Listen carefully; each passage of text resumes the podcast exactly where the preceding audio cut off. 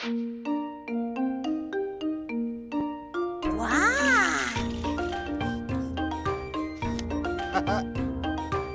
balio dute. Bai.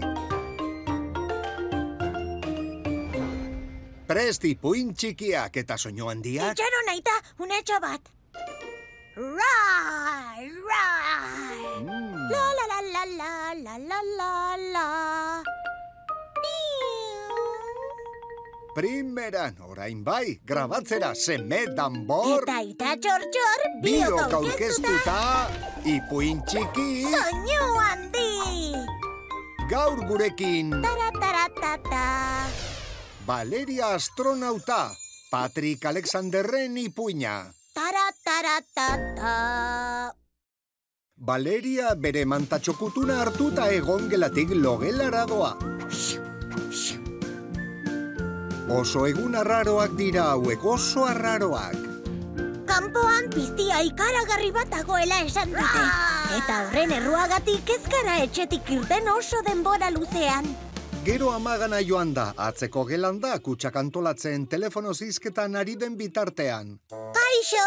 Ama, ardezaket linterna? Bai, lastana, langile guztien jardueren kronograma. Erantzun dio amak bere elkarrizketan kontzentratuta. Valeriak linterna hartu duta bere logelarantz doa, baina ara heldu baino lehen sukaldean gelditu da, aita platerak garbitzen ari da. Eraman ditzaket gaieta integralak nire gelara? Mesedez! Bueno, esan dio aitak, Valeriako gehi paketeko kutsa hartu eta jarraitu egin du.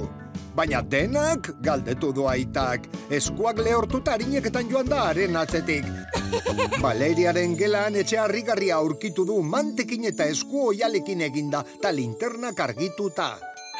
Ara, aterpe harrigarria eraiki duzu. Andrea, zatoz, begira Valeriak zer egin duen esan du aitako juka amari deitzeko. E, nezoragarria oso polita, baina guazen bazkaltzera. Nik hemendik ez dut irten nahi. Erantzun du. Piztia hori dela eta elkarren gandik urrun egon behar dugu. Telebistan esan dute. Oh, baina zar gaitezke? Bai, baina maskarak ondo jantzita. Gortina ireki burua aterata alderik alde begiratu du. Bufandarekin estali du aurpegia, buruaz baietz esan, eta gurasoak kontu handi sartu dira. Amak besarkada eskatu eta galdetu dio. Zer jaso da bihotza? Kanpoan dabilen piztia bitxi hori arriskutsua da, eta beldur nahi. Esan du isilka. Bai, lastana, baina guk beti babestuko zaitugu. Badago beldurron bat, zaintzera eta babes neurriak hartzera bultzatzen zaituena. Azaldu dio aitak, horregatik beldurrari beldurrik ez izateko, zaintza eta babes neurriak dauzkagu. Espazioko ontzi batean bidaian doazen astronautak bagina bezala, esan du amak. Hilabete batzuk falta zaizkigu heltzeko. Espazioko ibilaldia egitera irteten bagara, ontzira itzultzeko garbi-garbi egon behar dugu. Egun batean base seguru batera heldu arte. Badaki! Esan du Valeriak. Super ideia bat izan dut. Aterpea kapsula espaziala izango da. Eta etxe osoa ontzi inudea. Margoak dauzkat pintatzeko, liburuak irakurtzeko, eta gaieta piloa. Marteraino heltzeko beste. Ez daukagu irten beharrik. Proposatu du eskuak batuta. Horrela familiak etxea espaziontzi bihurtu du. Kartoi bat zulo biribilarekin jarri eta etxeko atea ontziko eskotila da orain. Zabaian izarrak itxatxi dituzte eta hormetan kometak eta planetak pintatu. Arrezkero, Valeriak dena irudikatzen du kamera motelea. Flotatzen doa etxean zehar gravitaterik gabe.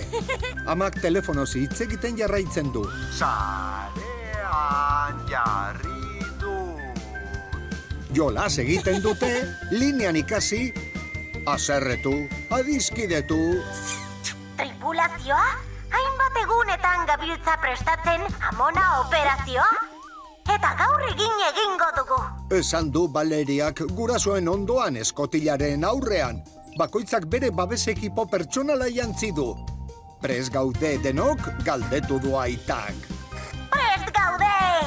Erantzun du Valeriak maskara hobeto jarrita.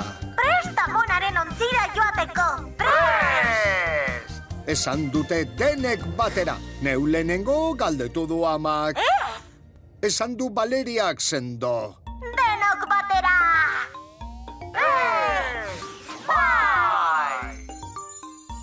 Eta ala izan bazan... Sardabila kalabazan, eta irten dadila gure herriko plazan.